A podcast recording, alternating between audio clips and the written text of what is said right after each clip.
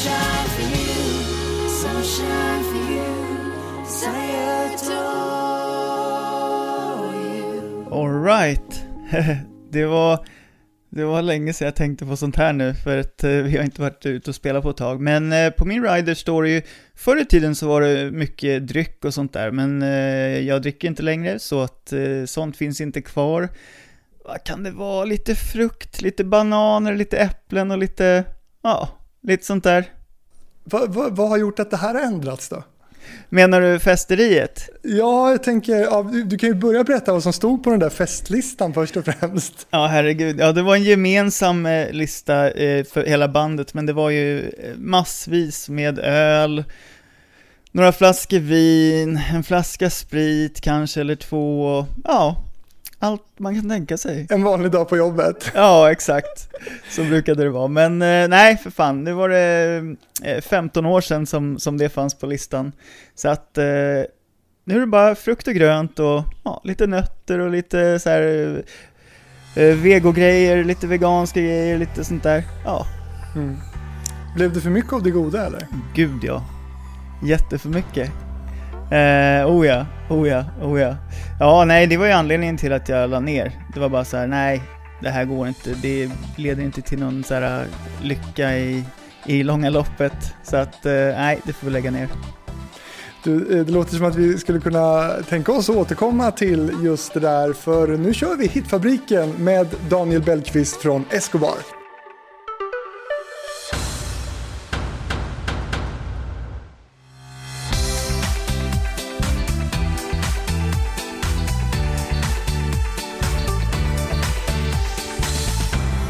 Daniel, välkommen till podden. Tackar så mycket.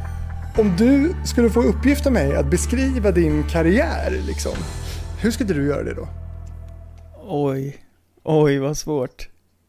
Oj, oj, oj, jag hade aldrig ens tänkt på. Ehm, oh my god, hur ska jag beskriva den? Eh, Kul! Det är bra. ja, nej men eh, det går inte att göra i någon slags kort, liksom liten ramsa, utan det, det måste redas ut under, under liksom många kapitel tror jag. Eh, men eh, överlag väldigt, eh, ja, väldigt glädjande, lyckad och uppfyllde alla drömmar jag hade som liten finnig poppojk och rockpojk, helt enkelt. Vi gjorde Jag ser att du blir glad. Jag ser hur glad du blir när du tänker på det, just som att du har fått uppfylla väldigt mycket som du drömde om. Liksom. Oh ja. Vad, vad, vad skulle du säga var din, din stora dröm då? Ehm, det beror lite på. När jag var riktigt liten så var det, jag ville liksom vara rockstjärna som Kiss. Ehm, de var supercoola och bra tyckte jag när jag var en liten pöjk. Ehm, eh, det jag vet, måste ju bara varit att det var ett häftigt intryck med alla, allt smink och alla stora ja, scener och häftiga rockposer och, och all tuffhet de hade med tungor och vad det var nu var. Favoritkisslåt? Ja, alltså... I was made for loving you är fantastisk, men det är så många bra. I wanna give it all to you. Jag tänker det är många finniga tonårskillar som drömmer om någon slags pop rockstjärneliv liksom. Ja, såklart. Eh, kunde du liksom tänka dig att, att det skulle bli så så småningom? Um, Hur realistisk var drömmarna? uppenbarligen, uppenbarligen väldigt realistiska, men... Eh, nej, de var alltså... Jag var fast besluten, inte när jag var liten och gillade Kiss, men senare när jag var kanske 15, 16 liksom. Från och med då, fram tills det var en verklighet, så var det bara att så här ska det bli, det finns inget annat. Eh, och inte så här självsäkert på ett skönt sätt så här, åh, ja, men det är lugnt, det kommer funka. Inte så alls, utan liksom mer ångest, eh, jag, vi ska bevisa för alla, eh, du vet, mer så driven liksom, inte på ett härligt kramgott sätt, utan så här bara, nej, inget spelar någon roll, vi ska bara göra det här, det kommer funka, det ska funka oavsett vad, vi gör allt bara för att det ska funka liksom. Mm. Eh, och ja, så det var, det var så inställningen var då. Men är det det som krävs skulle du säga för att, för att lyckas i, i branschen? Det är så svårt att säga, för branschen ser så annorlunda ut nu också. Eh, jag menar, nu har man så mycket möjligheter med YouTube och hit och dit och det känns som det finns säkert massa fler bananskalshistorier också. Jag menar, folk som ja, slänger upp en trudelutt på YouTube och sen, eller Instagram eller TikTok, whatever. Och sen så bara blir den stor och så, utan att de hade några sådana, så här, något driv på det sättet. Eh, så det är väldigt svårt att säga, men på den tiden upplevde jag det i alla fall som att det var, man var tvungen att vara fast besluten helt enkelt. Mm. Och eh, ja, nej men så var det. Ja, jag tänkte att vi i början av det här avsnittet ska snacka lite om bandnamn. Eh, för det figurerar ju en del bandnamn för er. Och, och, för, och ni spelade ju eh, tillsammans och har haft många bandnamn. Du har spelat i många band gissar jag. Du, du känns som en sån kille som har gjort det. Eh, men legenden säger i alla fall att, att eh, 94 så joinade du ett band som heter Fisher Fantasy. Ja, Ja, Stämmer. så är det. Och det var någon slags grunge-gäng eller? Exakt. Berätta om det. Det var våran eh, fortfarande gitarrist Fredrik eh, som hade ett band tillsammans med tre andra killar. Och eh, de här, två av de andra killarna skulle åka på någon slags, vad var det, så här, ju, eh, sportlovssemester. Samtidigt som det fanns möjlighet att göra två spelningar för det här bandet. Och då frågade, för jag och Fredrik gick i samma musikklass, alltså Mm. gymnasiet. Så då frågade han om jag ville hoppa in på bas, och om, för jag var basist på den tiden, och om min kompis Peter ville hoppa in på trummor. Och vi sa ja, självklart, kul. Och så hoppade vi in och så ja, trivdes vi så bra ihop. Så att då fick de andra kicken och så blev jag och Peter kvar. Men grunge alltså, vad, vad gillar du den, den stilen idag? Oh ja, eh, ja ehm, alltså jag har varit igenom så många stilar i mitt liv. Alltså Mm. det har varit så mycket. Innan grunge var det hiphop väldigt hårt. Ehm, men eh, ja, grunge, det roliga är så här, jag är helt fast i att kolla på såna här reaction videos på nätet. Mm. Jag älskar det. Eh, så jag kollar när folk reaktar till musik som jag gillar och har gillat när jag var ung. Så nu ser jag liksom, eh, vet, folk från hela världen, från Afrika sitter och ser Pearl Jam för första gången, du vet. Och det är så här, man återupplever då, ja, hur det var. För jag kommer ihåg att jag satt och, ja, Pearl Jam var min, mitt favoritband då, i grunge-svängen. Och min pappa kallade sångaren för sovtröjan. För jag satt och hade spelat in videos med Pearl Jam och spelade vid frukostbordet på tvn. Och så sa han, har den där sovtröjan igen? För han tyckte han såg ut som att han gick direkt ur sängen upp på scenen. Hur många reaction-videos finns det på Escobar då? Jag tror inte det finns några ännu, men jag, Dåligt ju. jag, hopp, jag hoppas på att när de, när de får slut på material, då kommer de till oss. nu har de kommit så långt som till eh, Men at Work och Madness har jag sett, så att ja, det närmar sig. Ja, men jag tänkte också på det nu när du sa att du har spelat bas, att du ser ut som en sån här cool basist ju. Okej, tack. antar Eller jag. hur? Du har basist-aura helt klart. Ja, jo men det är ju, hej jag köper det. Det Jag kan, köper inte- jag kan inte vara den första som har kommenterat det. Nej, det är du. Är basister för övrigt de coolaste i banden skulle du säga? Det kan du inte fråga en sångare. Tänk att sångaren har ju ganska bra koll på bandet och sneglar kanske lite Ja. åt sidan ibland och tänker shit fan han är cool alltså. Sångaren är sångaren för att han vill vara den som är coolast. Han, han har koll på sig själv. Men du, det händer i alla fall mycket med ert eh, band eh, och bandnamnen här. Fisher Fantasy då, som vi var inne på, eh, byter sedan namn då till Crippled Fish. Ja. Det är mycket fiskreferenser här, hur, hur kommer det sig? Nej, jag vet, det första namnet fanns ju när jag kom in och det sa de kom ur en dröm. Där eh, vår eh, gitarrists flickvän hade sagt till honom typ att hans band skulle heta det eller att hans band heter det. Och därför hette de det. Sen vet jag inte om de ville änd... Eller vi var det ju då, men jag kommer inte ihåg vad tanken var med Cripplefish. Jag har ingen aning. Det var väl att det skulle vara någon fisk kvar för att liksom, så här, ja vi var det här bandet. Alltså på den tiden så kanske det kändes viktigt så här, att sju pers i Åkersberga visste vilka Fisher Fantasy var. Man vill inte förlora fanbasen om man säger så. Så kanske man vill ha en fisk i andra namnet, jag har ingen aning. Men, Men du gillar Ja. fisk? ja, då jag äter fisk. Ja, det är det enda köttlika jag äter. Mm. Så Favoritfisk? Oh my god. Alltså, lax är ju grejen. Sen svärdfisk var länge sedan jag åt, men det älskar jag. Mm. Kolja är ju inget gott ju. Jag kommer faktiskt inte ihåg ko- hur kolja smakar. Det är, det, men Den det är, är lite vit fisk gummiaktig liksom. Ja, vit och lite så här gummiaktig. Ja, gummi gillar jag inte, men jag gillar torsk när den är gjord på rätt Ja. sätt. Torsk, fantastiskt. Ja. Favoritfisk. Och även ehm, eh, den här plattfisken, vad heter den då? Eh, Rödspätta, mycket gott också. Rödspätta, ja, rö, det var länge sedan jag åt också. Sen byter ni i alla fall namn då till The Bugs. Och då är ni ändå i djurhäradet någonstans här. Ja, precis. Det, det gjorde vi för att då gick vi över från att spela, nu ska vi tänka här. Just det, det var nog då jag började sjunga tror jag. För jag hade sjungit lite så backing vocals på det här eh, grunge håller på eh, Men jag hade aldrig lead-sjungit. Eh, men när vi men då var det nog så att jag och gitarristen, vi ville börja spela mer popmusik och vi lyssnade mycket på alltså Beatles och sånt då. Och då Beatles, Bugs, så jag tror att vi tog det namnet och då blev jag leadsångare, vår, eh, vår eh, basist hoppade av för han ville inte sjunga mesmusik och eh, det ville vi göra så då, då, då startade vi band själva. Och sen byter ni ytterligare en gång då till Brown Eyed Susan. Ja, det är någon blomma. Mm. Ja, men vad är grejen här egentligen? Att ni inte liksom bestämmer er och byter hela tiden. Jag vet ja, jag vet faktiskt inte, jag har inte ens tänkt på. Eh, Har du inte tänkt på det här? nej.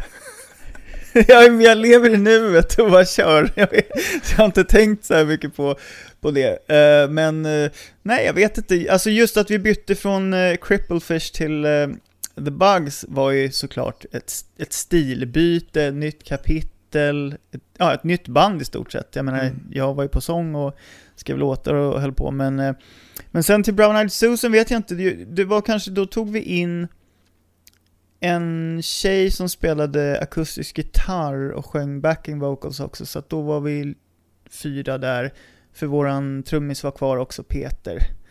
Eh, Så ja, så det var väl det, det blev något nytt då också. Det, jag vet, det blev lite mer någon slags hippie-grej blandat med kanske lite så brainpool-aktigt eller något. Det är liksom, Mm. och innan dess var det väl mer kanske Beatles-influerat. Så, ja. Men, men om man säger så här då, även om du inte har tänkt på det här så kanske man kan ändå prata om liksom vikten av ett bra bandnamn så att säga. Hur, hur viktigt är det att ha ett bra bandnamn? Alltså, Spelar det någon roll? ja det gör det ju. Det spelar definitivt roll. Och igen, det här är ju hur det var liksom när vi kom fram. Eh, nu för tiden vet jag inte hur det funkar. Alla heter saker med så här, 3x i och sånt där. Det verkar vara eh, flavor of the month. Eh, men på den tiden så var det att man förknippar i alla fall bandet bandnamnet så mycket med bandet så att man tänker inte på själva vad namnet på bandet betyder. Så var det i alla fall för oss när vi, när vi växte upp. Så Mm. att vi, vilket, vilket namn som än liksom var så, ja, det, det smälte ihop med bandet så man tänkte inte på Jag menar Beastie Boys är inte det liksom, kanske bästa namnet ever, men det är en supergrym grupp så att man kopplar det bara till det. Man, alltså, jag, tänk, jag har aldrig tänkt på vad det betyder, så aha, okej. Eh, så att på det sättet, men vi har varit väldigt obrydda om vårt namn jämt. Eh, Mm. Och eh, ja, men, men sen då om man kommer fram till, till det bandet som, som ni sedermera behåller då, Escobar, eh, så känns det som att ni börjar förstå att ni kommer behöva bestämma er för ett, ett bandnamn va? Ja, det var så. Vi hade, jag tror plattan, första plattan var redan inspelad och klar innan vi hade det. Då hade vi hetat innan, vi hade hetat Small Change. Um, för vi hade en, en dröm om att på NMI, musiktidningen som fanns då, skulle det stå eh, “Small change makes a big difference”. um, men uh, det skedde aldrig. Men, uh, men, uh, så att, men, så innan, men vi var inte riktigt nöjda, eller jag vet inte, jag tror inte vi var nöjda med det namnet. Och vi hade inget namn. Och då var det dags att börja liksom göra omslag och sådana saker. Då var vi tvungna att ha ett namn. Och vi var så här, ja men musiken är allt, vi skiter i allt annat, spelar ingen roll vad vi heter liksom. Eh, och då frågade vi kompisar och eh, folk runt om sådär, ja men har ni något, har ni något förslag på bandnamn?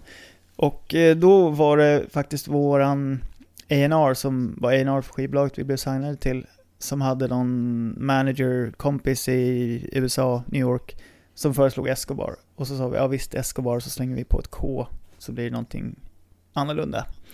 Mm. Eh, ja, that's Och what it det, was.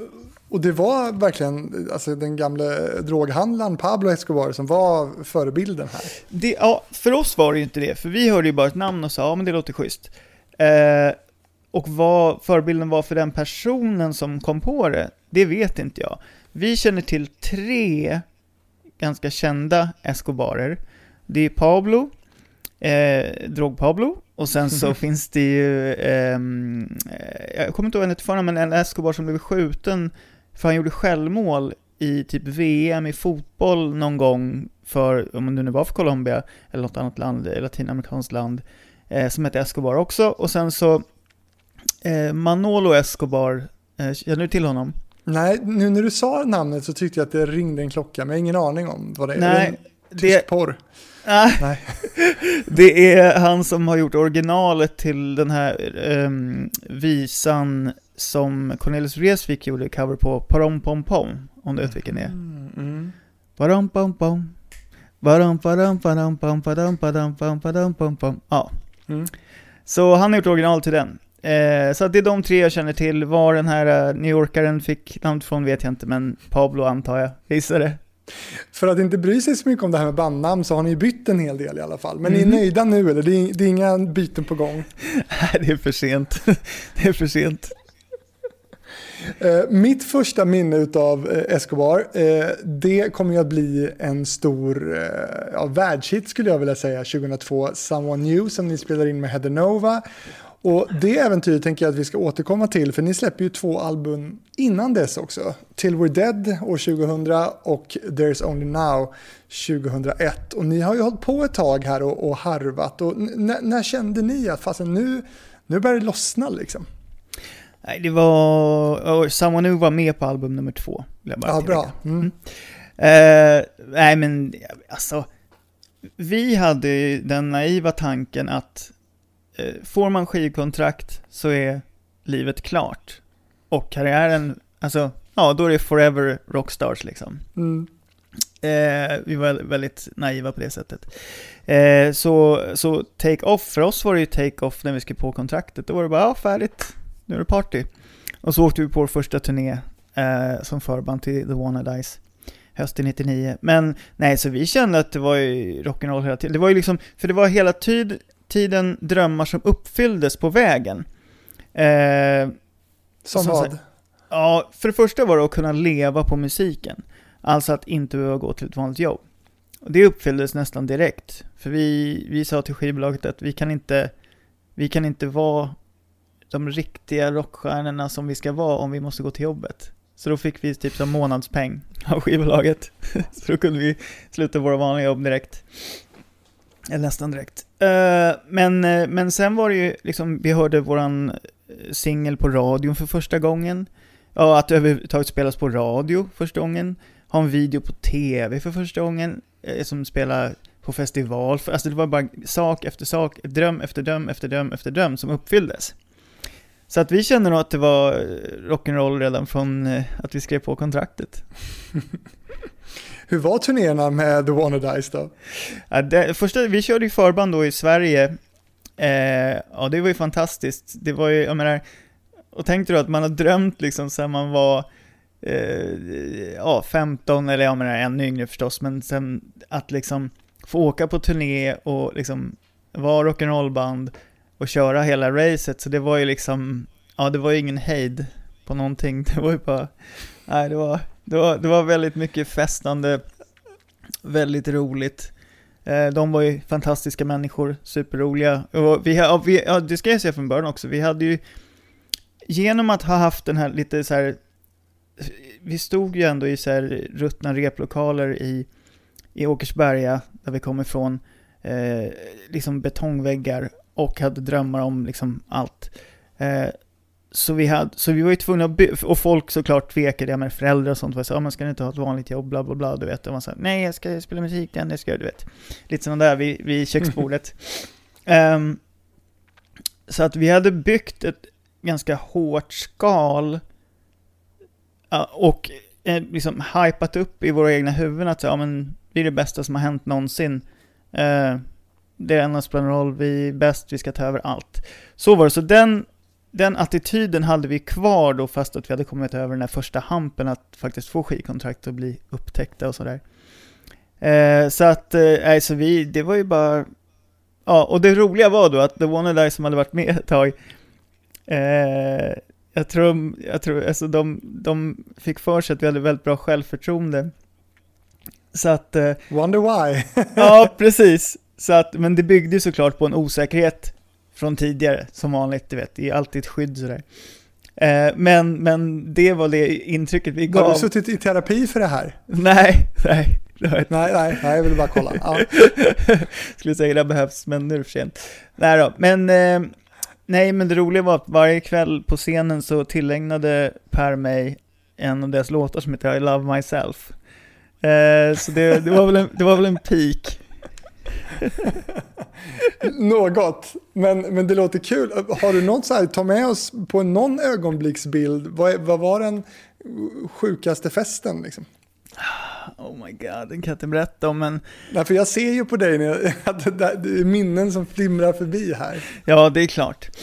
Nej, men alltså det var ju, du vet, bara så här löj, liksom så här löjlig rock, rock'n'roll-idéer, du vet, vi satt i någon, eller våran trummis satt i en studio i, alltså en radiostudio, vi spelade på någon studentgrej i Göteborg.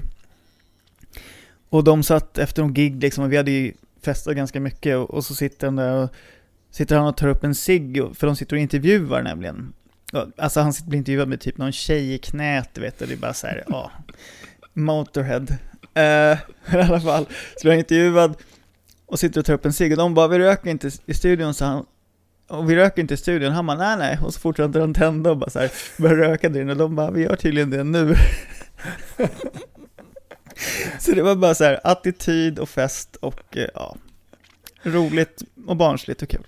Men det var ju liksom er upplevelse av det här. Hur skulle du säga att ni blev mottagna eh, hos publiken i, i det här läget? Nej, det var, publiken verkade verkligen gilla det. Älska, älska det vi gjorde. Det var ju första plattan liksom. Eh, och eh, ja, nej, det kändes superbra. Det roliga var, eller det roliga, men, men en sak vi minns var att vi eh, hade tryckt upp eh, vinyler innan första plattan kom på första singeln. Första? Nej, andra singeln var det, eh, tror jag. Tumbling Down, som fanns små vinyler. Och då gick vi runt efter något gig, gick vi in i publiken och så här, ja, gav, bort den här till folk som ville ha. Och då var det någon vi gav till, du vet, någon tjej som, ja, vi bara, men ska du ha? Bara, nej, men det är lugnt så här. Vi bara, va, men det är så här våran singel. Men jag tycker inte det är något bra. Vi bara, va? kan någon tycka så? Också reality check. exakt, exakt. Not enough, men yes. Ja, men det är ju fantastiskt att höra. Favoritlåt från eh, första albumet? Eh, det, det måste vara Tumbling Down faktiskt. Det var den låten vi fick eh, skivkontrakt på. Hard times come, let them be. Den, Självklar singel eller? Ja, alltså. Vi, igen, vi var naiva. Vi tänkte liksom bara bra låtar.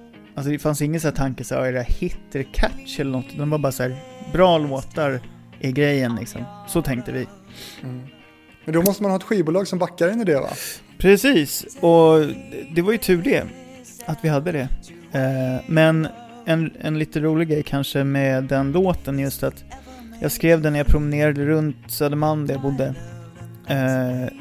Och jag hade länge velat använda ackordvändan från eh, en låt som heter It's a fine day med Opus 3. Så, så jag hade velat använda de ackorden i en låt. Och då fick jag ord i huvudet och, då, och sen så smälte de ihop i huvudet. Orden med de ackorden, så gick jag hem och skrev in den på gitarr. Så det var så den låten blev till i alla fall. Det var en singel vi tyckte om och min favoritlåt från första plattan. above the sky still need to stay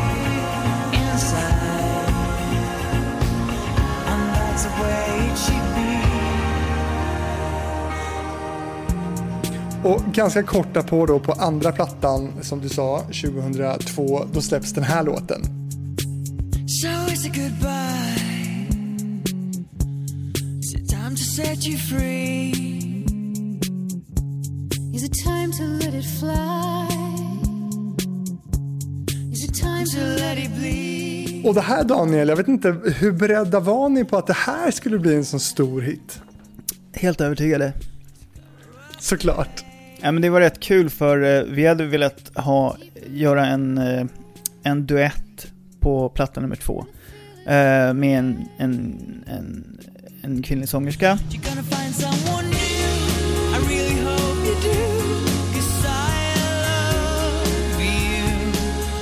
Och vi hade så här, du vet, om alla möjliga idéer och Björk var med på listan, bara massa folk vi gillade sådär.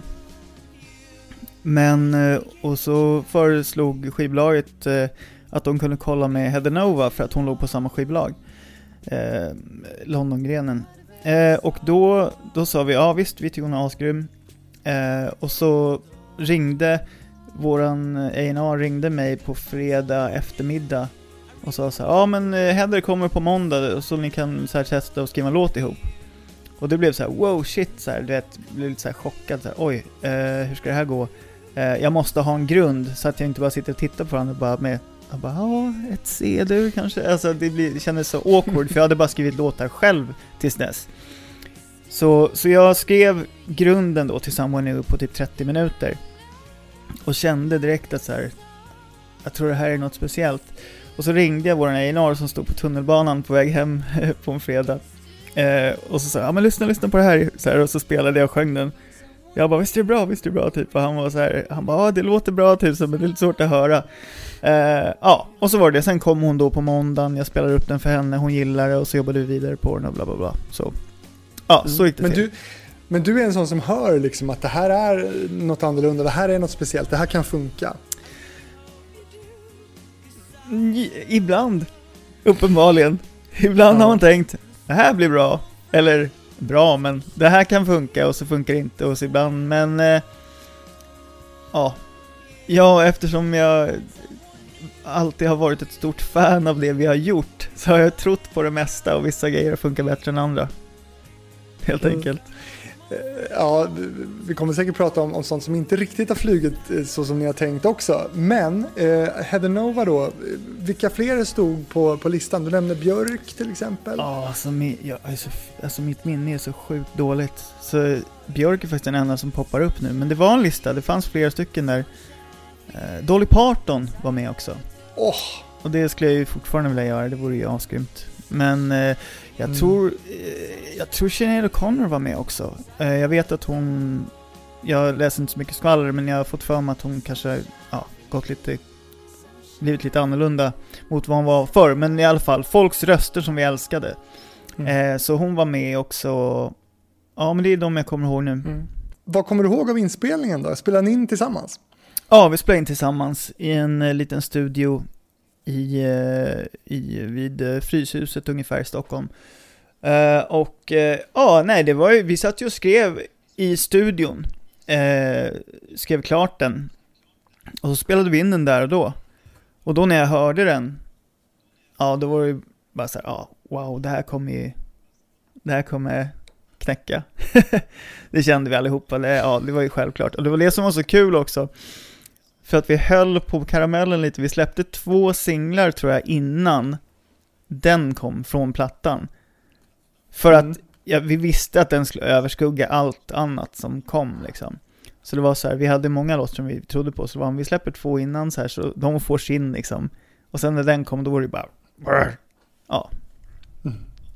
Vad skulle du säga att den här låten har, har gjort för, för er karriär och för dig? Ja, oj, oj. Alltså den, ja. Alltså den har ju uppenbarligen öppnat så sjukt mycket dörrar. Ehm, den lever ju fortfarande idag, liksom på radio och överallt i världen och så vidare. Och den är ju, ja, den har ju fått ett helt eget liv på något sätt. Ehm, jag tror det finns väldigt många som hör låten, tycker om låten, som inte har någon aning om vilka vi är, utan det är bara så här, ja den där låten liksom. Så att, eh, nej, den har gjort oerhört mycket. Verkligen.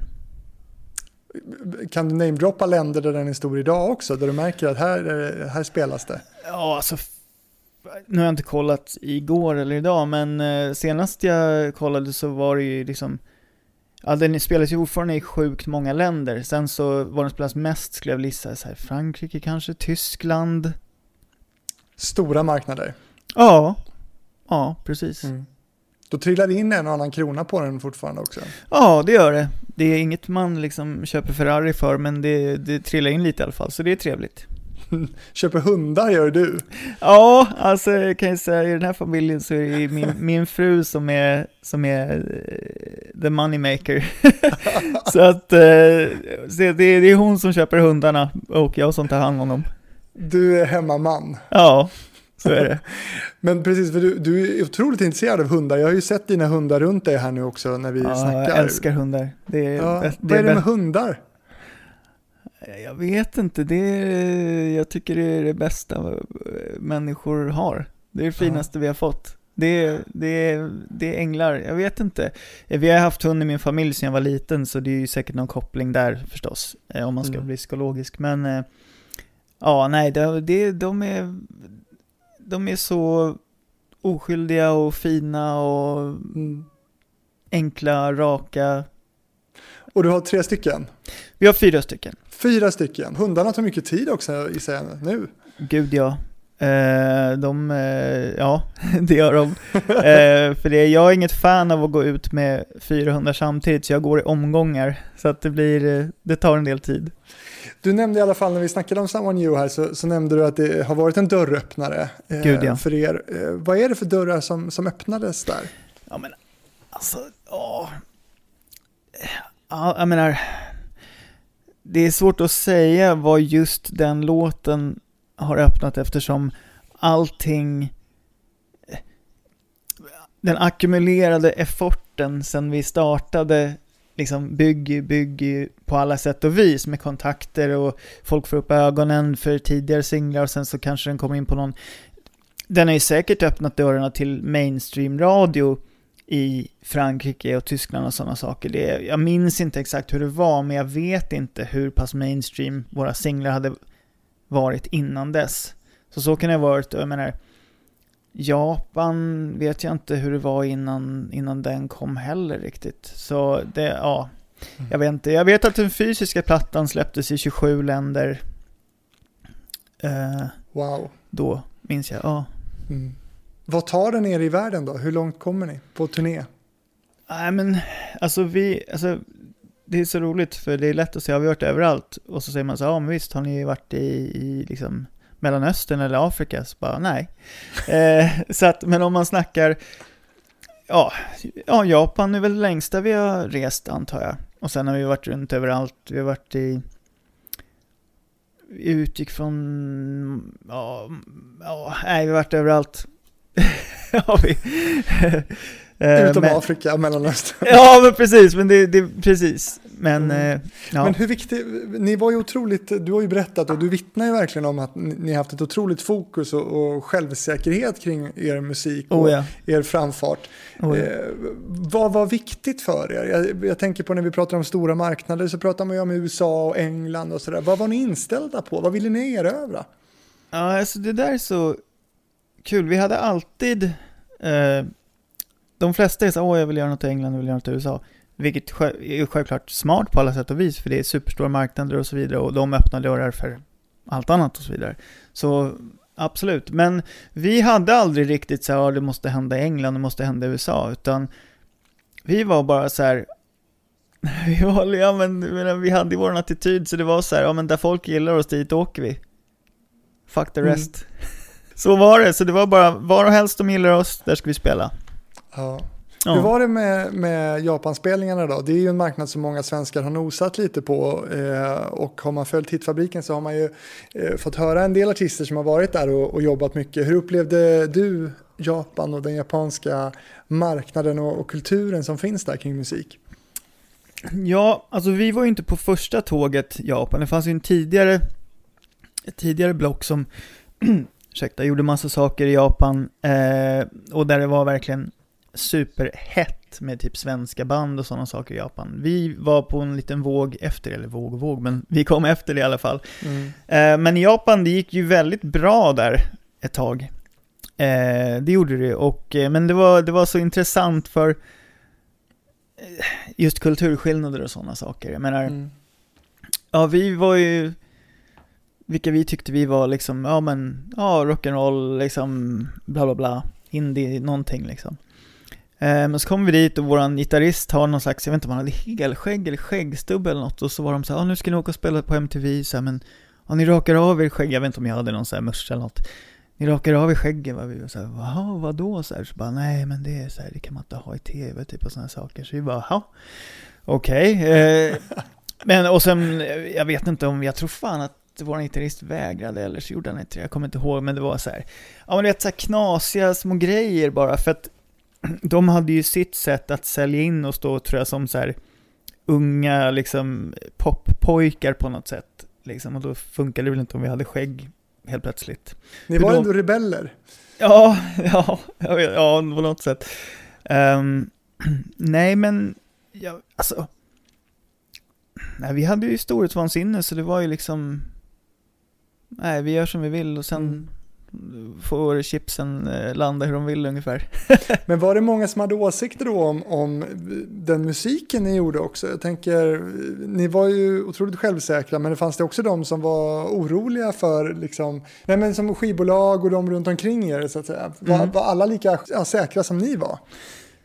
Alltså det är svårt att säga, alltså man var ju inte i deras hjärnor och hjärta, det vet jag inte. Menar inför oss var de ju liksom superpeppade och på, men jag menar sen kanske de satt på något hörn och så här, så här wow, hur ska det här gå? Jag menar, hur ska jag, vad ska jag säga till min chef i England om det här inte funkar? Nu har vi plöjt in massa pengar i videos och Mm. bla bla bla.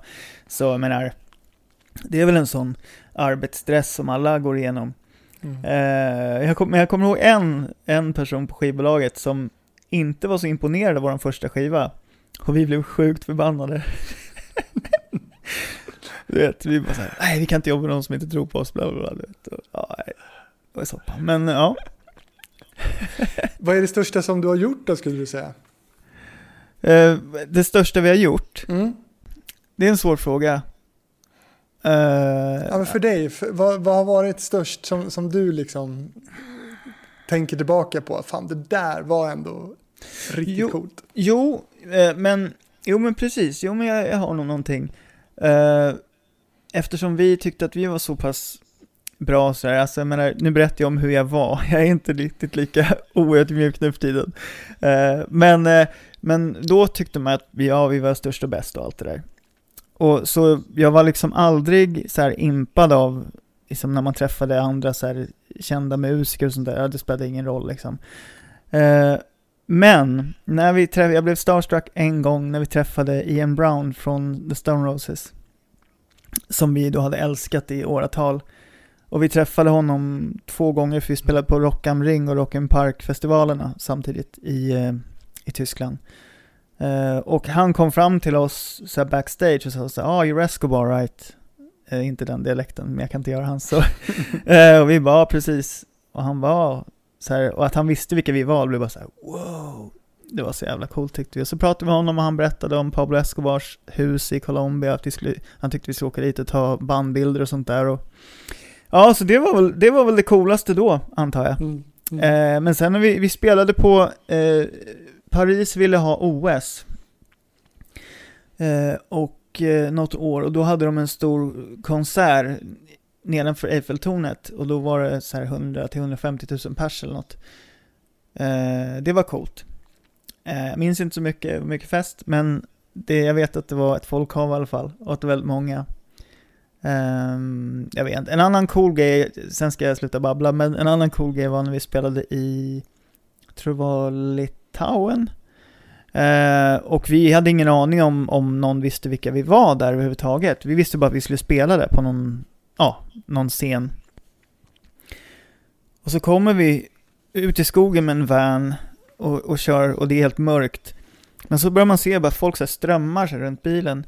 Um, och det var vi tillsammans med, med två andra artister ska jag säga. Uh, så kör vi fram och då är det en jättescen liksom, framför typ en fotbollsplan eller något, eller ännu större.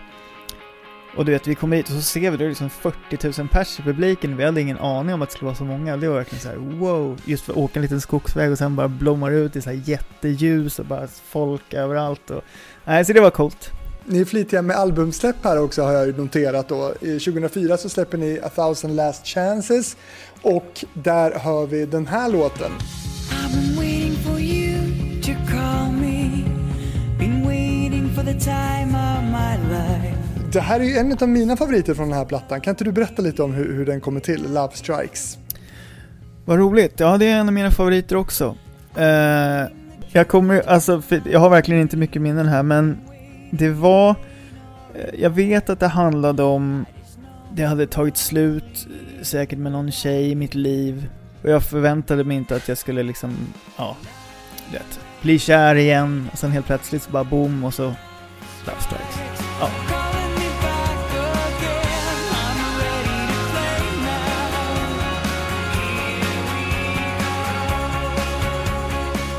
Men har du festat bort minnet här mycket eller? Jag vet inte om det är det eller om det är något annat, men borta är det i alla fall. Ja, så, så är det ju ett tag sedan också såklart.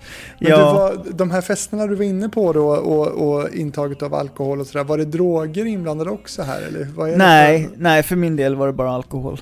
Ja. Ja. Vad såg du av det här? Jag tänker att det här rockstjärnelivet har ju naturligtvis en baksida också. Det, det är ju välkänt. Mm. Vad ser du på, på, på de här turnéerna? Och vad är det du re- registrerar? God, jag vet inte, alltså... Jag gör som en politiker nu, så svarar jag på, som att du frågar en helt annan fråga. Oj då, blev det känsligt? Nej då, nej, inte alls, inte alls. Nej, nej. Det är bara att jag, nej, inget speciellt, alltså... Det är ju, jag menar, jag ville bara berätta en annan grej, men eh, om anledningen, som jag har en teori om varför det blir så lätt för många eh, musiker och sånt att de dricker för mycket. Eh, men hur som helst, jag kan ju, på din fråga så, nej, men vad ser man? Jag vet inte, när jag väl var där mycket så var jag ändå mitt i det, och jag var en Mm. del av det. Mm. Jag menar, det är inte så att jag står och dricker alldeles för mycket och tittar på någon annan och bara åh, vad mycket den dricker. alltså det är inte så, utan från min position var det ju bara, det är bara fest. Alla Mm. festar liksom. Vad, Eh. vad gör att du tackar nej till droger? Ja du. Alltid gjort. Uh, jag vet faktiskt inte. Eh, alltså efter ett tag blev det väl klart att det, att det räckte med problem av alkohol. Så att det var så här, du vet det var ju folk som sa så ja ah, men ska du inte typ röka gräs istället då? Och jag var så här, nej men det kommer ju bara bli samma sak, det är ingen idé att hoppa från en grej till en annan sådär så bara, nej. Eh, så nej jag vet inte, droger har aldrig varit, varit min grej. Nej. Eh, men det jag skulle säga var, om jag får berätta min teori. Ja, Ja. gör gärna det. Ja, för jag har ju såklart genom åren tänkt mycket på det här och så. Eh, nej, men jag tror, när man då, alltså att vara i centrumet då som, som en artist och sådär, det ger ju ett väldigt bass att stå på scenen, folk klappar, älskar en, även om de inte känner en, men du vet, älskar det man gör, vrålar, ropar, liksom, ja, sådana saker. På en turné till exempel i två veckor. Och sen och man festar varje kväll och så all, livet är bara så här, hu, hu, hu, jättekul. Sen kommer man hem till en eh, lägenhet då i Stockholm och allt är helt tyst. Och det är ingen som står och skriker att de älskar en och sådana saker. Man bara sitter där och bara, men vad hände med all den här liksom egogoset som jag fick? Eh, och då vill man fortsätta ha det basset, så då fortsätter man att dricka och gå ut och festa som att man var på turné hela tiden. Eh, det är en av mina många teorier. Mm. Eh, så jag tror det var så det var för, för oss och för mig speciellt liksom. Men idag dricker du ingen alkohol då? Var, var det någon speciell händelse som fick dig att säga att nej, nu är det bra? Ja, det var det. Jag, eh, det var, eller händelse, men det var, jag fick liksom bara så här komplett mental breakdown. Jag hade ju så här extrema ång, jag hade ju extrem ångest liksom varje, varje morgon när jag vaknade. Och ändå så, så fortsatte jag, så det blev bara en ond cirkel. Eh, och till slut så fick jag bara så panikångestattacker och eh, ja, jag, min kompis tog in mig så jag, fick, jag låg på hans säng. Eh, han satt med typ sin tjej och kollade på tv så här, och bara hade som övervakning på mig för han trodde att jag skulle få typ psykos eller något. Så det bara ligger där typ, och bara skakar och mår så fruktansvärt dåligt. Och grejen var så här att jag hade haft en plan på att ja, men när allt blir för mycket så tar jag bara livet av mig. Alltså det, det jag, jag, jag vet inte, det kändes som en så här självklar utväg bara. Så att, ja men så blir det. Så när jag, jag, jag bara kör på och sen när det blir för mycket då tar jag livet av mig. Eh, och när jag väl kom då till den punkten där det var så här, ja, men nu är det, nu är det, nu är det way over the line. Jag kände så här, ja men det här är, nu, nu är det tillfälle liksom. Helt plötsligt från ingenstans när jag låg i den här sängen kände jag så här, men jag vill inte alls dö. Jag vill ju leva. Och det hade jag aldrig vetat om på det sättet. Jag hade alltid trott att så här, ja men jag bryr mig inte. Det är bara att köra. Men, så då fick jag helt plötsligt så här, shit, jag vill ju leva. Eh, och då lovade jag mig själv, jag sa det, okej om, jag, om jag kommer ur det här tillståndet, kommer tillbaka till mig själv, alltså en normal, välmående människa, så ska jag aldrig mer dricka. Och sen gjorde jag aldrig det. Vilket år är det här? Eh, Det måste vara, eh, jag var 31 när jag slutade. Eh, Nu är, för det var 15 år sedan då jag slutade. Stämmer 2005, säkert. 2006 någonstans där. Ja, stämmer säkert. Ja. Men det låter ju otroligt dramatiskt. Men hur länge låg du i den där sängen? Nej, det var bara över en natt tror jag. Mm. Så det var ingen, det var ingen längre utdrag, utan för sen morgonen efter kommer jag ihåg att jag Ja, jag kommer ihåg jag satt i han kompisens kök där han stod och så här, lagade mat och så sa men så här, man mår bättre om man äter ordentligt, du vet. Och jag sa så här I ain't eating myself out of this one. för det var, jag var så, ja men såklart, jag var så himla låg och mådde så fruktansvärt dåligt och det var så här, jag bara Nej, jag måste det går inte det här livet. Och sen, eh, sen var det bara sakta, sakta bygga upp, bygga upp mig igen som, ja, tills jag mådde bra. Det tog några veckor, jag kom att flytta in hos en kompis, bodde med henne ett tag. Eh, Det var ju nice att inte vara själv och så vidare. Så ja, det tog ett tag och sen flyttade jag för att få en ny start och började leva vettigt helt enkelt. Mm. Men skulle du kalla dig för alkoholist? Ja, absolut. Absolut. Ja, ja, herregud. Alltså det var ju liksom sex dagar i veckan, så halvår i sträck. Liksom, det var ju bara helt... Ja, nej. Mm. Usch. Återfall? Nej, Nej. inte än och jag tror inte det. Jag är ju väldigt, vad ska man säga, bestämd person. så att eh, jag har alltid haft ganska stark viljestyrka så, här, så att nej, jag kan inte se att det skulle hända. Men, jag ska aldrig säga aldrig.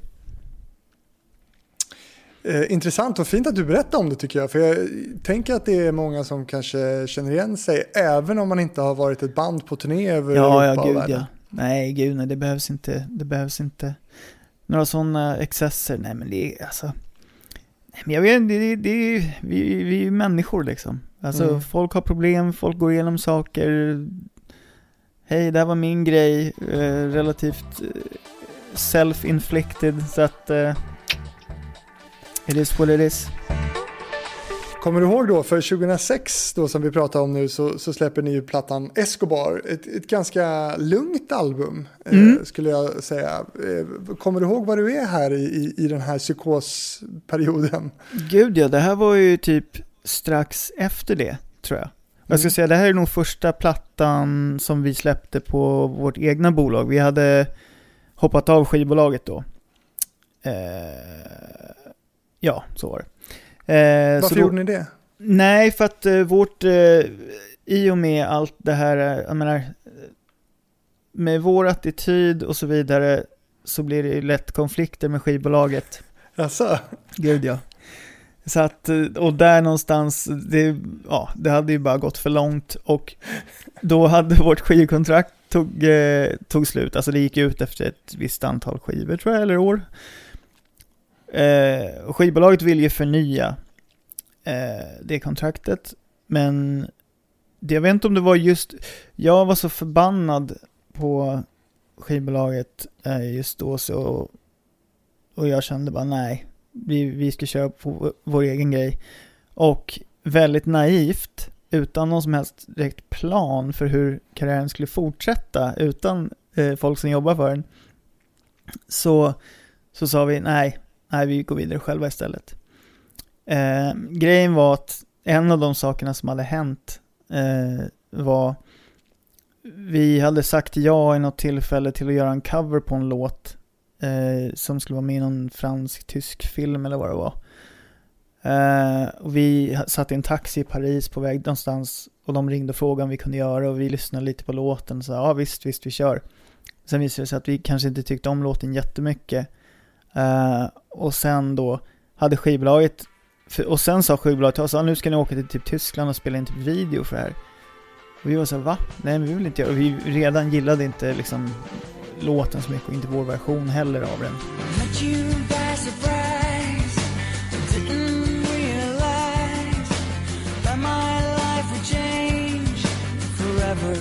Första versionen vi gjorde av låten var totalt annorlunda, alla ackord var annorlunda allting men de sa nej det går inte, det går inte att känna igen låten, det var typ samma ord men inget annat.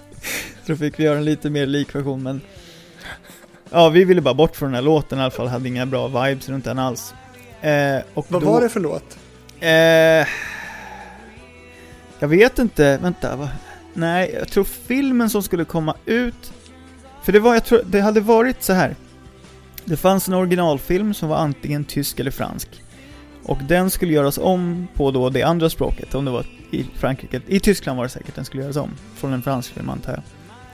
Och filmen skulle, hette typ Klein Ruppin Forever eller något sånt där. Och det var Eh, porr. Nej, det var... In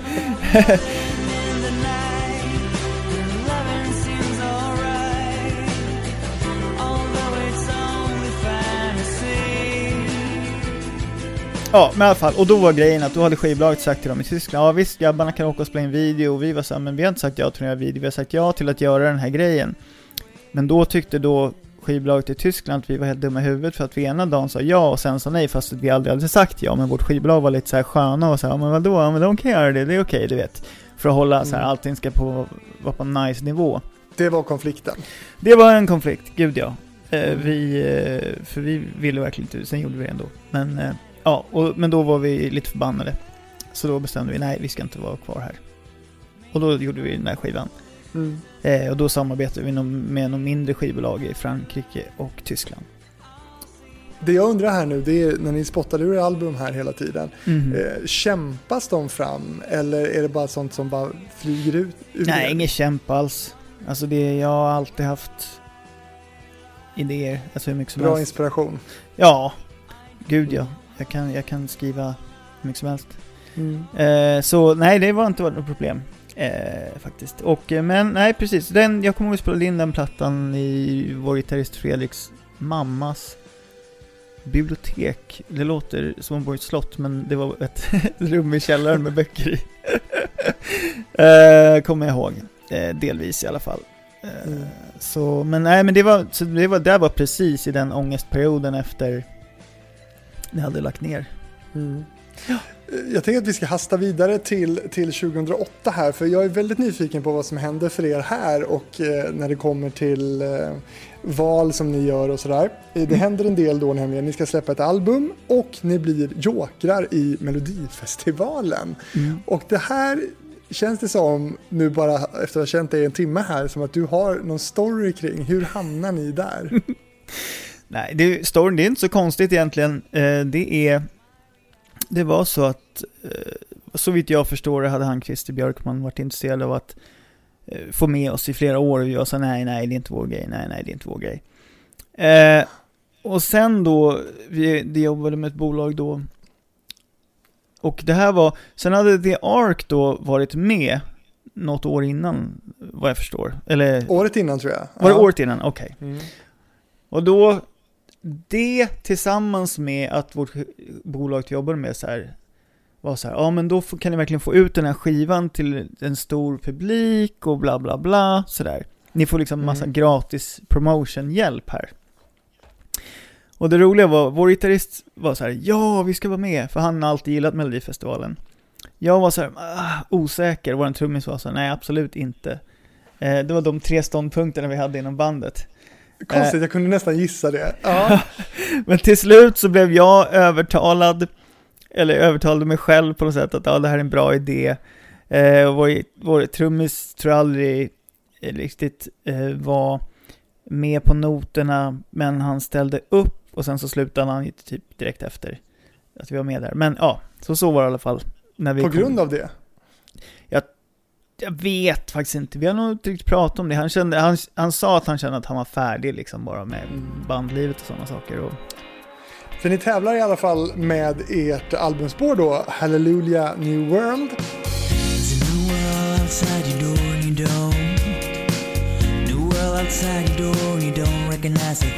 Och den här låten kommer sist. Mm. Någon, ja, det, det är vad jag förstår också. Sen var det någon i tv, när vi var intervjuades i tv, SVT någon gång, som sa att den på något sätt hade kommit näst sist, vilket gjorde mig glad. För jag har också förstått att den var sist. Så jag vet inte hur det gick till, om det var i sluträkning efter allt som någonsin hade räknats på alla deltävlingar eller något, eller någonting, men ja, hur som helst, sist Men vad händer med självförtroendet här Daniel? För ni hade ju naturligtvis tänkt att ni skulle gå direkt till final. Alltså det här är... ja, Eller? Jo, alltså när jag... Alltså så här var det ju. Vi hade gjort plattan, alla låtar var klara. Eh, och det här var bara en, en extra liten så här promotion-grej vi tänkte. Så här, ja visst, det här kan ju liksom, ja, så. Eh, men, eh, och då spelas upp för en massa ögon som inte skulle få höra den annars, tänkte vi. Men så låter man ju absolut inte anpassad för den publiken. Eh, det var inte så här, ja det här ska bli en låt som passar in här, utan det var ju bara en, en vanlig låt för oss. Eh, så att, så jag vet inte riktigt vad vi tänkte om hur det skulle gå. Sist tror jag definitivt inte vi tänkte att vi skulle komma.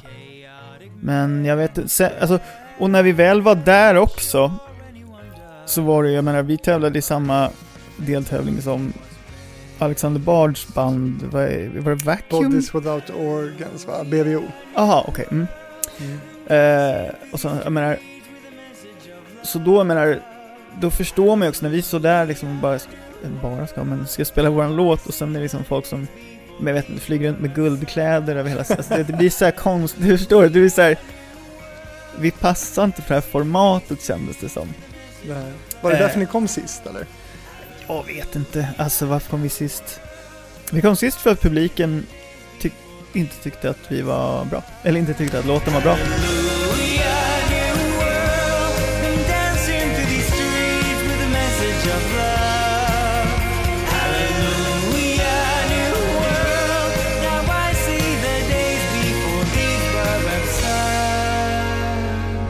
Kom det att betyda någonting den här sista platsen då för, för er liksom framtida karriär eller för skivan som är en fantastisk skiva, Death in Athens som ni släppte efteråt? Tack. Uh, nej. nej, inte direkt. Vi, alltså dagen efter det här gigget så åkte vi på typ Europaturné. Uh, som, alltså såklart redan var bestämt innan, men så vi drog ju bara ut och turnerade då. Och hade det kul som vanligt.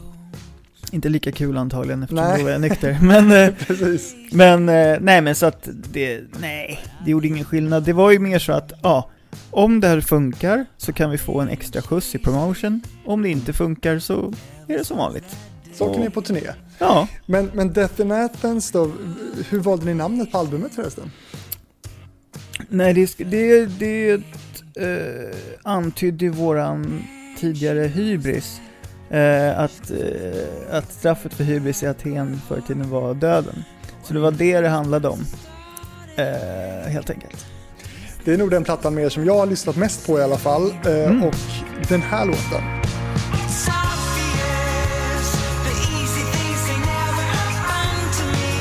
Berätta om Obvious, Daniel. Hur kom den här till er? Oh my god, du frågar mig så svåra saker. Jag kommer inte ihåg. Obvious. Du, här är du nykter, så här har du ingenting att skylla på. Ja, men ja, tänk dig all skada som redan var gjord där. Ja, sant. Ja, nej. Jag kommer inte ihåg, jag kommer, jag kommer inte... Jag kommer inte, alltså jag måste se texten, jag kommer inte ens ihåg vad den, vad den handlar om. Jag minns Du kommer inte ihåg vad den handlar om? Nej, jag kommer inte ihåg det. Wow. Ja. Men den här då?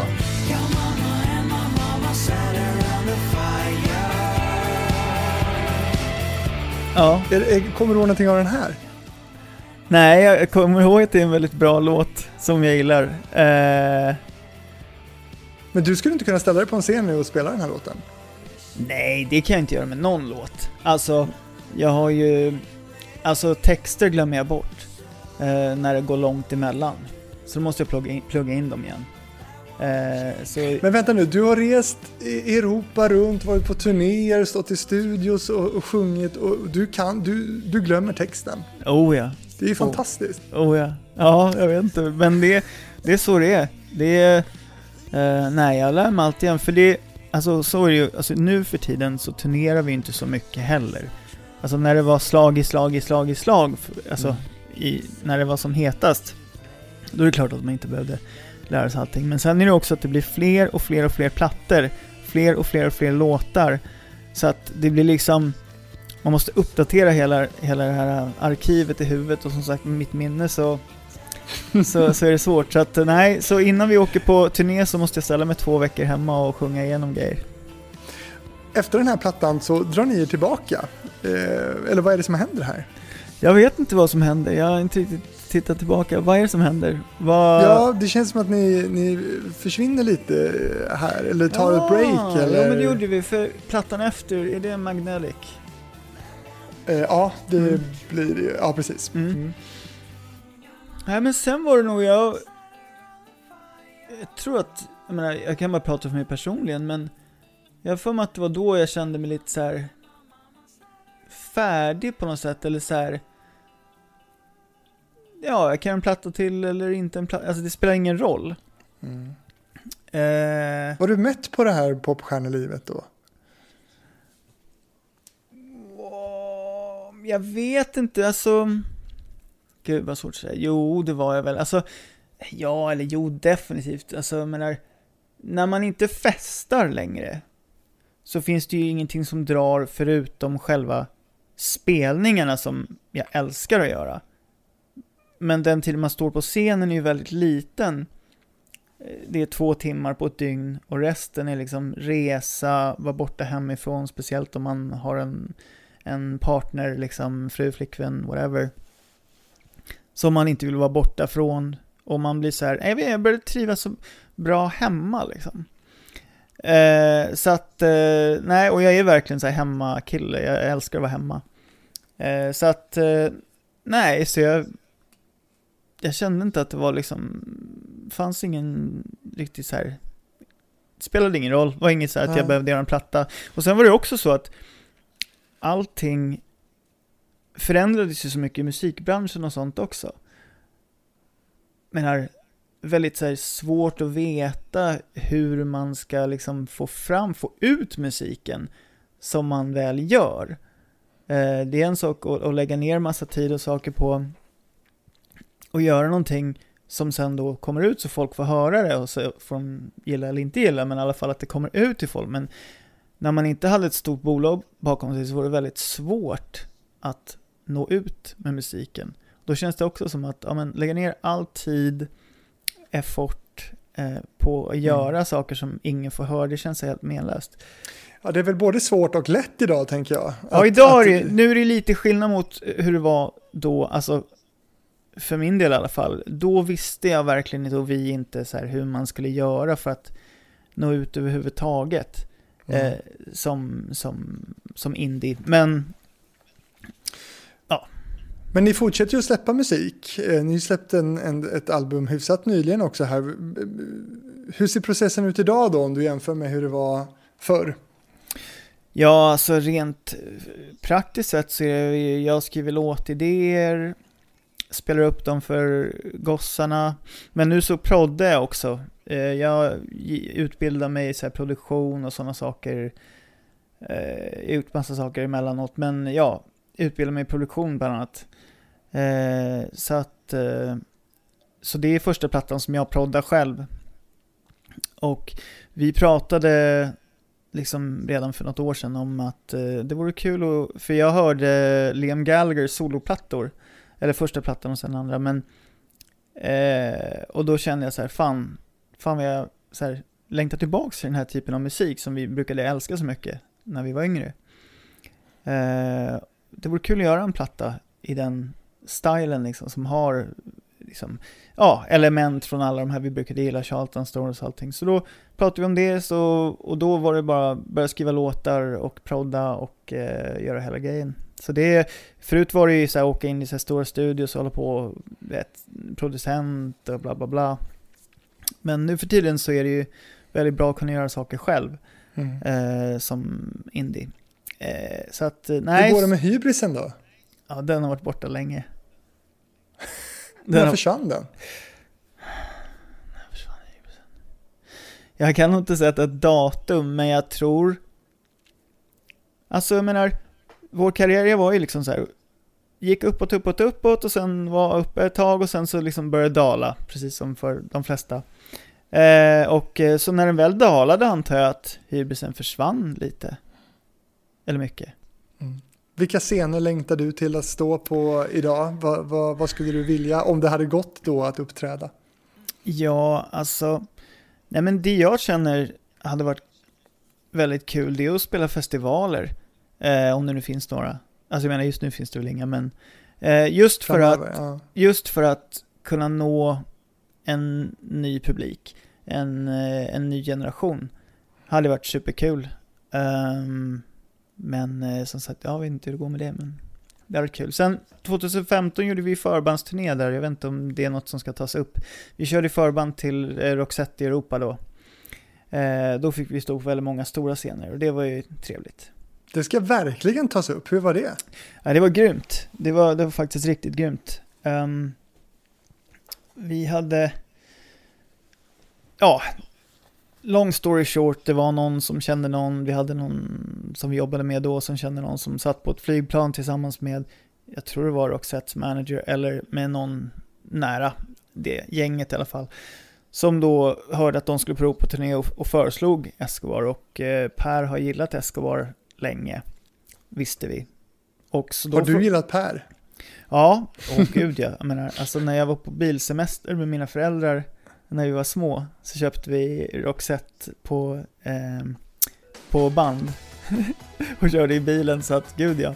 Eh, men sen, sen var inte Roxette eh, ett band jag lyssnat på, alltså det var inte den stilen vi lyssnade på. Vi lyssnade på som sagt alla brittiska banden, Charlatans och Oasis och allt det där. Men, eh, men som sagt, han är ju grym på det han gör och eh, de har gjort massa fantastiska hits. Så att, eh, nej, så det var, det var väldigt kul. En rätt kul grej med, med det där var att jag kommer ihåg jag och min fru, vi satt och kollade på, kan man säga, X-Factor UK eller något sånt där. Eh, och så körde de någon final i O2 Arena i London.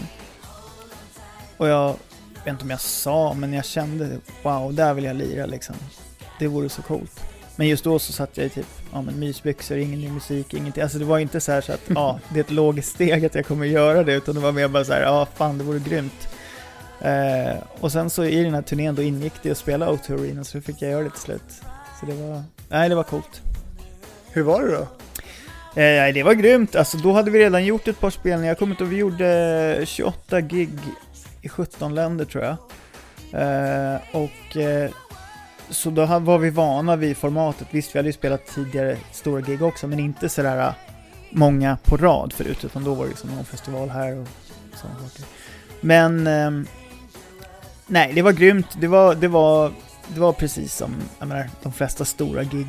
Eh, du har ett folkhav och ja, du försöker connecta så mycket du kan helt enkelt med det du har. Men det är, det är ju samma på alla de här stora. Liksom. Favorit Roxette-låt? Dangerous tror jag. Dangerous.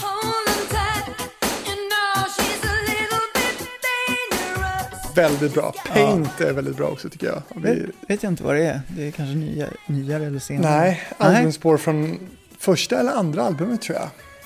Hur var ditt intryck av Marie Fredriksson? Ja, åh, hon är fantastisk. Eh, sen kan jag innan det också bara nämna att Gyllene Tider lyssnade jag på. Den hade jag på LP-skiva.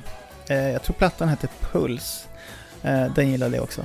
Eh, anyway, eh, ja Marie var ju fantastisk. Alltså, alltså hon var så vänlig och sådär och vi försökte ju alltså hålla oss så mycket i bakgrunden som möjligt sådär för att inte komma i vägen för, för ja, varken henne eller Per liksom. Jag menar, och bandet sådär, men de var ju grymt trevliga. Men ja, Marie kändes ju så fruktansvärt snäll och vänlig igen. Jag har inte känt henne på nära så jag vill inte uttala mig om så, men hon kändes helt fantastisk och jag fick komma in i hennes loge och låna strykbrädor och sånt där mitt i hennes sminkningar och nej men det var, det var, det var, nej, hon var sjukt Mm. fin. Och ett minne var faktiskt att eh, jag fyllde år under turnén och då kom hon och de andra in och sjöng för mig, du vet, och såna här saker. Det var, nej, det var, var mäktigt. Kommer du aldrig glömma ju. Nej, gud nej. Gud nej. Wow! Du, vilket bra avslut på det här snacket eh, Daniel. Vi har snackat mer än en timme nu om, om, om eh, ditt eh, musikliv. Hur var det här för dig? Nej, men det var kul. Det, det påminner ju igen om att jag inte har något minne. men men eh, nej, det var kul. Det var kul. Det känns ju som att det, det finns så mycket man har gjort så att det går liksom inte komma igenom allt på en timme. Men eh, det var roligt att minnas. Kul att minnas grejer. Mm. Nej, det är helt omöjligt såklart. Ja. Eh, extra kul att du hade så svårt att komma ihåg de här lite senare plattorna. de nyktra åren. Ja, nej men det, det gäller ju... Det är vissa, vissa låtar man kommer ihåg speciellt sådär. Mm. Eh, Du vet, hur det gick till, Someone New och ja, Coming Down och sådär där. Men mycket är ju... Man är i stunden, jag menar för de flesta låtar och musik speglar ju ens liv, där man är just för tillfället. Eh, man har ju intryck av det färskt i minnet. Men sen om det är saker som liksom inte betyder lika mycket för en längre så kan det Mm. droppa bort liksom.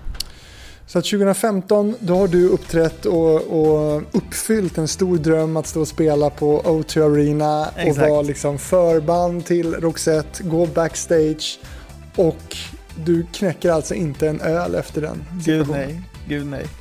Nej. Nej, nej. Wow. Imponerande. Eh, du som, du som lyssnar på det här, vill du komma i kontakt med Hitfabriken då kan du mejla mig på fabrikspost@gmail.com. Eh, Hitfabriken hittar du naturligtvis också på Facebook och Instagram. Där kan du också få se hur Daniel ser ut nu för nu ska jag pressa honom på lite snabbfrågor. Daniel Bellqvist Escobar, tack för att du var med i Hitfabriken. Tack.